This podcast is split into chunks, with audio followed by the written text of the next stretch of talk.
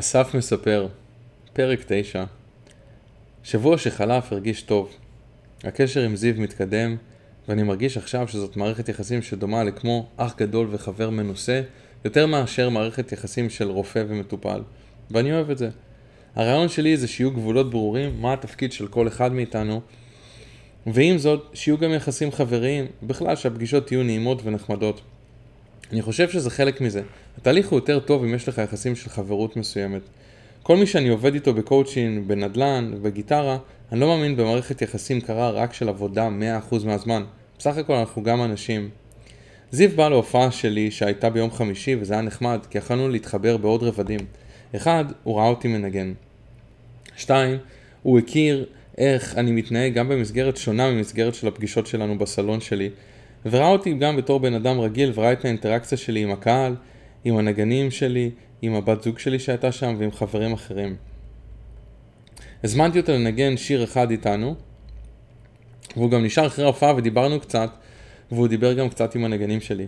אני מרגיש שזה טוב שהוא חווה את היחסים בינינו גם בסיטואציה מחוץ לחדר הטיפול. אני חושב שבטיפול פסיכולוגי כבד, עם מישהו שיש לו בעיות, אה, אה, בעיות פסיכולוגיות כבדות, או כל מיני בעיות שהוא צריך תרופות, יש בעיה אתית לפגוש אותו מחוץ לחדר הטיפול. אבל אני מרגיש שבקואוצ'ין, תלוי כמובן שוב במטופל והצרכים שלו, זה יכולה להיות חוויה טובה להיפגש גם בנסיבות של החיים מחוץ לחדר העבודה, חדר הטיפול. שוב, הכל עניין של מינון ובלנס ואיך דברים קורים. בכל מקרה, אני מרגיש שזה היה טוב שזה מחזק את הקשר בינינו ואת האמון. היום, כשדיברתי עם זיו, זאת הייתה פגישה בטלפון מאחר והוא נמצא שבועיים במחנה ועובד עם ילדים. מרגיש שהוא מתקדם ושהוא מבין יותר ויותר איך דברים עובדים. עם זאת, הקושי עם הרבה אנשים זה ההמשכיות. שוב, כלומר מתחילים לעבוד על משהו מסוים ואז שבוע אחרי זה קופצים למשהו אחר, שבוע אחרי זה משהו אחר ואין המשכיות או בנייה של דברים לטווח ארוך. ההתמדה חשובה מאוד בעיניי. לקחת נושא אחד או שניים או שלושה ולבנות אותם בצעדים לאט לאט. לכן ניסיתי להחזיר את זיו, שוב היום בפגישה שלנו לדברים שאנחנו מדברים עליהם. אחד, איך להשיג תלמידים. שתיים, מה לעשות בנושא המגורים, הוא מחפש דירה והוא לא סגור אם הוא רוצה משהו זמני או קבוע. ושלוש, למצוא עבודה קבועה משרדית שהוא רוצה כבר להשיג במשך כמה זמן. דיברנו על להמשיך ליצור פוסטים של שיעורי קלרינט בפייסבוק, זה חייב להיות משהו קבוע ושבועי. דיברנו על ליצור מודעה לגבי השיעורים לתלייה ברחוב. דיברנו גם על לחפש אתרים באינטרנט שמציעים שיעורים ולהירשם לאחד האתרים בתור מורה, ככה שתלמידים יכולים למצוא אותו. מבחינת העבודה המשרדית הקבועה וגם לגבי הזדמנויות אחרות נתתי לו טיפ. לא צריך כל הזמן רק לחפש דברים חדשים וכל הזמן לקפוץ מדבר לדבר, אלא לראות איך אפשר גם לפתח, אה, איך אפשר לפתוח את האימייל ולראות את האימיילים שהוא שלח לאנשים בשבועיים האחרונים ולראות על איזה מהאימיילים שווה לעשות פולו-אפ. כלומר, לכתוב תזכורות לאנשים שהיה איתם בקשר ולא ענו על האימייל הראשוני. הרבה פעמים הנטייה היא לחפש כל הזמן הזדמנויות חדשות במקום להעמיק בהזדמנויות שהיו כבר ואולי התפספסו ונשכחו. מבחינת המגורים, הוא אמר שיש לו איזה חבר מהארץ שמגיע לניו יורק והוא לוחץ עליו לגור ביחד ורוצה מגורים קבועים. וזוהר פחות רוצה מגורים קבועים כרגע כי זה אומר לשלם עמלה למתווך וצ'ק של חודש ביטחון והוצאות נוספות שכרגע הוא לא מרגיש איתם בנוח והוא מעדיף מגורים זמניים. זה קורה הרבה בניו יורק. נגיד מישהו שנוסע לשלושה חודשים, בינתיים מזכיר את החדר שלו או את הדירה שלו בזמן שהוא לא נמצא, וככה מישהו אחר מקבל מגורים זמניים. אמרתי לזיו שכדאי לו להגיע להחלטה מה הוא מעדיף, ואז להיות ישיר עם החבר שלו. הוא פוחד לאכזב את החבר. מצד שני, אני מרגיש שאם הוא לא יגיד לחבר כלום וימשוך את זה עד הרגע האחרון, ואז בשנייה האחרונה יתקפל, ולא יהיה מוכן למצוא מגורים קבועים, חבר שלו יהיה מאוכזב הרבה יותר מאשר אם הם ידברו על זה עכשיו, והחליטו על עכשיו מה לעשות כבר בנידון לפני שדברים מסתבכים. הרבה פעמים אנחנו שומרים דברים בבטן מקווים שמשהו לא יצא לפועל כדי שלא נצטרך לסרב או לאכזב את הצד השני אבל אנחנו שוכחים שבינתיים הצד השני מפתח ציפיות ואם הדבר בסוף כן יוצא לפועל ותהיה לנו החלטה ממש קשה האם לבלוע את הצפרדע ולעשות מה שלא רצינו כי כבר לא נעים לסרב ברגע האחרון או לפוצץ הכל ברגע האחרון.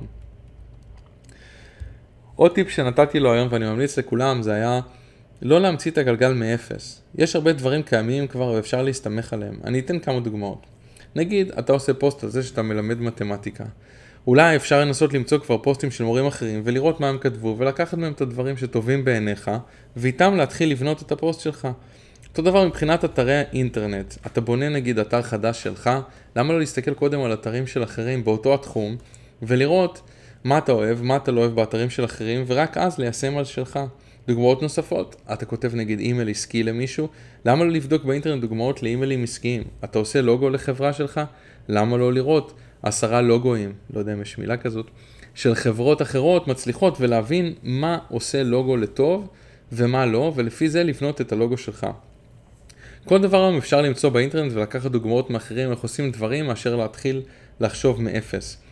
הרעיון לדעתי זה לעשות שילוב, לקחת דברים שאהבת מאחרים, פלוס שיפורים שלך ורעיונות יצירתיים שאולי עולים לך, ולשלב הכל למשהו אחד משלך. תמיד זה גם עניין של זמן מול תועלת. לפעמים שווה לקחת תבנית של מישהו, של משהו מוכן, ולעבוד איתו. ולפעמים שווה ליצור משהו יותר ייחודי. הכל תלוי בחשיבות של הדבר וההשפעה שלו על המשך החיים או המשך הקריירה שלך. אני מעדיף למשל לשלוח עשרה אימיילים שמנוסחים טוב מאוד, מאשר לשבת שעה על כל אימייל שיהיה מנוסח מדהים, אבל כתוצאה מכך רק לשלוח אימייל אחד, כי השקעתי בו שעה שלמה ולא היה לי זמן, זמן לשלוח אימיילים אחרים. תמיד כדאי לחשוב, האם מה שאני עושה הוא כבר מספיק טוב ואפשר להתקדם איתו? האם מה שאני עושה כרגע ישפיע מהותית על החיים שלי, שזה רק צעד אחד קטן מיני הרבה, הרבה צעדים בדרך? אם האימייל למשל מיועד לחברה שהולכת לסגור איתך דיל במיליון דולר, אז הייתי ממליץ להשקיע שעה וגם שעתיים וגם יותר, אם צריך ליצור את האימייל המושלם שיסגור את העסקה. אבל לעומת זאת, אם זה אימייל לגבי מישהו שהתעניין לקנות ממך אוזניות כי יש לך חנות ב eBay, אז אפשר להשקיע באימייל יותר גנרי ופשוט מספיק שתי דקות כדי לענות ללקוח בצורה מכובדת ועניינית.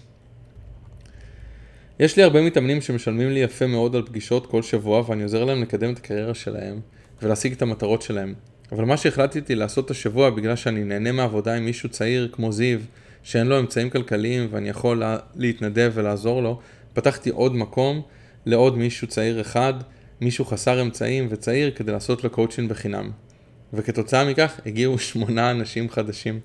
עכשיו אני מנסה לנווט איך לעזור לכולם בחינם במסגרת הזמן שיש לי, קצת קשה לקבל שמונה אנשים חדשים ללא תשלום.